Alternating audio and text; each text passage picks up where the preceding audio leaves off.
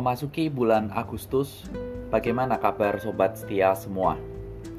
Berharap sobat setia tetap setia dalam kebenaran firman Tuhan dan melakukan kebenaran itu dalam kehidupan sehari-hari.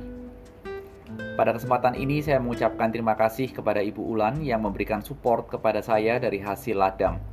Kiranya Tuhan memimpin dan memberkati Ibu bersama dengan keluarga.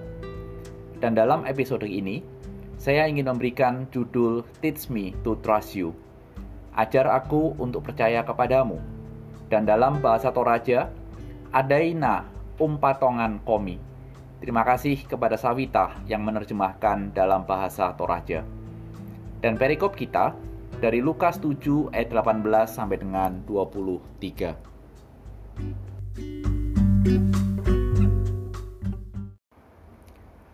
Ketika Yohanes mendapat kabar tentang segala peristiwa itu dari murid-muridnya, ia memanggil dua orang dari antaranya dan menyuruh mereka bertanya kepada Tuhan, Engkaukah yang akan datang itu atau haruskah kami menantikan seorang lain? Ketika kedua orang itu sampai kepada Yesus, mereka berkata, Yohanes Pembaptis menyuruh kami bertanya kepadamu, Engkaukah yang akan datang itu atau haruskah kami menantikan seorang lain? Pada saat itu Yesus menyembuhkan banyak orang dari segala penyakit dan penderitaan dan dari roh-roh jahat dan ia mengaruniakan penglihatan kepada banyak orang buta. Dan Yesus menjawab mereka, Pergilah, dan katakanlah kepada Yohanes apa yang kamu lihat dan kamu dengar.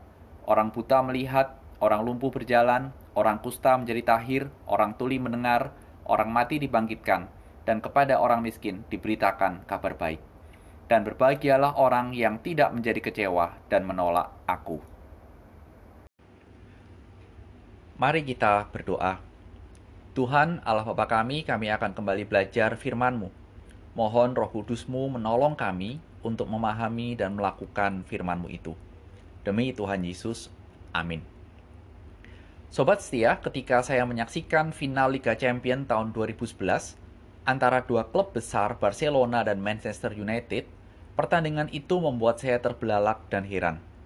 Karena Manchester United yang terkenal sebagai tim hebat bermain seperti pemain sepak bola yang baru belajar. Dan saya bertanya, kok seperti ini? Tidak seperti yang dilihat dan diharapkan oleh banyak orang tentang Manchester United. Kira-kira seperti itulah yang membuat Yohanes Pembaptis heran, kaget, dan tercengang. Setelah mendengar berita tentang apa yang diajarkan dan dilakukan oleh Tuhan Yesus, dia bertanya-tanya, sehingga sebagai seseorang yang membuka jalan bagi Tuhan, dia berpikir, apa benar Tuhan Yesus itu Mesias? Kalau dia benar adalah Mesias, mengapa dia bergaul dengan pemungut cukai yang identik dengan orang berdosa? Karena menurut Yesaya 40 ayat 23, gambaran Mesias adalah seperti seorang pembebas yang menaklukkan pembesar dan penguasa-penguasa dunia sehingga di tengah-tengah keraguannya seperti itu, dan dia ingin tahu, dia mengirim dua muridnya untuk mengklarifikasi secara langsung kepada Tuhan Yesus dengan pertanyaan. Pertanyaannya adalah, engkau ini Mesias yang kami tunggu atau bukan? Kira-kira itu pertanyaan dari murid-murid Yohanes kepada Tuhan Yesus. Dan Lukas mencatat bahwa ketika murid-murid itu bertanya, Tuhan Yesus sedang menyembuhkan banyak orang dari segala penyakit dan penderitaan dan roh-roh jahat, dan ia mengaruniakan penglihatan kepada banyak orang buta. Sobat setia perhatikan, ada empat hal yang saya ingin angkat untuk kita perhatikan.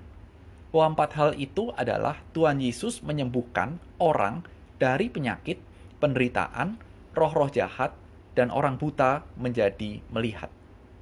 Kita mesti memikirkan dan merenungkan Kenapa catatan mengenai situasi Tuhan Yesus pada saat itu justru ada di tengah-tengah teks? Ini kan sebuah keterangan. Ini satu hal yang biasanya ditempatkan di awal sebuah cerita. Kalau Lukas sampai menempatkan di tengah-tengah teks, artinya ada maksudnya, ada tujuan dari Lukas untuk teks ini berada di tengah. Sobat setia, ternyata pada saat itu Pemahaman orang Yahudi tentang Mesias adalah ketika Mesias datang, maka orang buta akan dicelikkan, orang tuli akan mendengar, orang lumpuh akan berjalan, dan mulut orang bisu akan bersorak-sorai. Itu menjadi sebuah pemahaman dan tercatat dalam Yesaya 35 ayat 5 sampai dengan ayat yang ke-6. Sehingga meskipun saat itu Yohanes tidak hadir untuk melihat apa yang dilakukan oleh Tuhan Yesus, ada dua utusan yang menyaksikan dan yang akan melaporkan apa yang telah disaksikan kepada Yohanes. Oleh karenanya, Tuhan Yesus tidak memberikan penjelasan bermacam-macam dari pertanyaan dua murid Yohanes ini. Tuhan Yesus seperti mengulang apa yang dicatat dalam Yesaya 35 ayat yang sudah kita baca. Dan respon Tuhan Yesus saat itu terhadap dua pertanyaan murid Yohanes, justru Tuhan Yesus menyuruh mereka pergi dan mengatakan kepada Yohanes apa yang mereka lihat, apa yang mereka dengar. Dan ditambahkan di ayat 30, berbahagialah orang yang tidak kecewa dan menolak dia. Sudah, itu menjadi jawaban dari Tuhan Yesus terhadap pertanyaan kepada murid Yohanes. Sehingga mari kita lanjutkan. Kalau kita boleh melanjutkan dan kita mensinetronkan cerita ini. Kelanjutannya adalah dua murid Yohanes itu kembali. Dan bisa tebak kira-kira apa yang menjadi kalimat pertama ketika Yohanes melihat dua muridnya? Kira-kira pertanyaan Yohanes atau kalimat yang keluar adalah, apa jawaban dari Tuhan atas pertanyaanku? Benar tidak dia Mesias? Siapa dia? Lalu apa jawaban dari dua murid itu? Mereka pasti akan mengatakan benar, dia Mesias. Yesus adalah Kristus, dia adalah anak Allah, dan dia meminta kita untuk jangan kecewa dan menolak dia. Dan di kemudian hari oleh Rasul Yohanes yang bukan Yohanes Pembaptis dituliskan dalam Yohanes 20 ayat 30 sampai dengan 31 memang banyak sekali tanda yang dibuat oleh Tuhan Yesus di depan murid-muridnya, supaya kamu percaya, kita percaya bahwa Yesuslah Mesias, Anak Allah. Sampai di sini, sobat setia mungkin bertanya, apa aplikasinya firman Tuhan ini untuk aku? Dalam kehidupan kita mudah untuk kita percaya bahwa Tuhan Yesus adalah Tuhan dan Juru Selamatku. Itu pengakuan yang sangat baik. Namun kita perlu menyadari bahwa pengakuan itu tidak serta-merta menghilangkan terpaan badai dalam hidup ini, tidak menghilangkan pergumulan kesulitan dalam kehidupan kita. Bila Yohanes dalam cerita ini berharap Mesias adalah penguasa yang menaklukkan semuanya, sampai dia mengirimkan dua muridnya untuk bertanya langsung kepada Tuhan. Bagaimana kita meresponi kehidupan kita sekarang ini? Ketika terpaan itu menghantam hidup kita, sering kali kita berharap akan pertolongan Tuhan untuk menolong kita sesuai dengan apa yang kita pikirkan dan apa yang kita harapkan. Namun kita semua menyadari bahwa sering kali ketika semuanya tidak sesuai dengan harapan kita, kita kadang jadi meragukan Tuhan. Tuhan, ini benar nggak sih? Engkau adalah Tuhan seperti yang Alkitab ceritakan dan biasanya pertanyaan itu menjadi pertanyaan yang berkembang. Biasanya menjadi pertanyaan, peduli nggak sih Tuhan itu terhadap aku? Punya kuasa nggak sih Tuhan itu menolong aku? Punya belas kasihan nggak sih melihat aku yang menderita? Seringkali itu perkembangannya.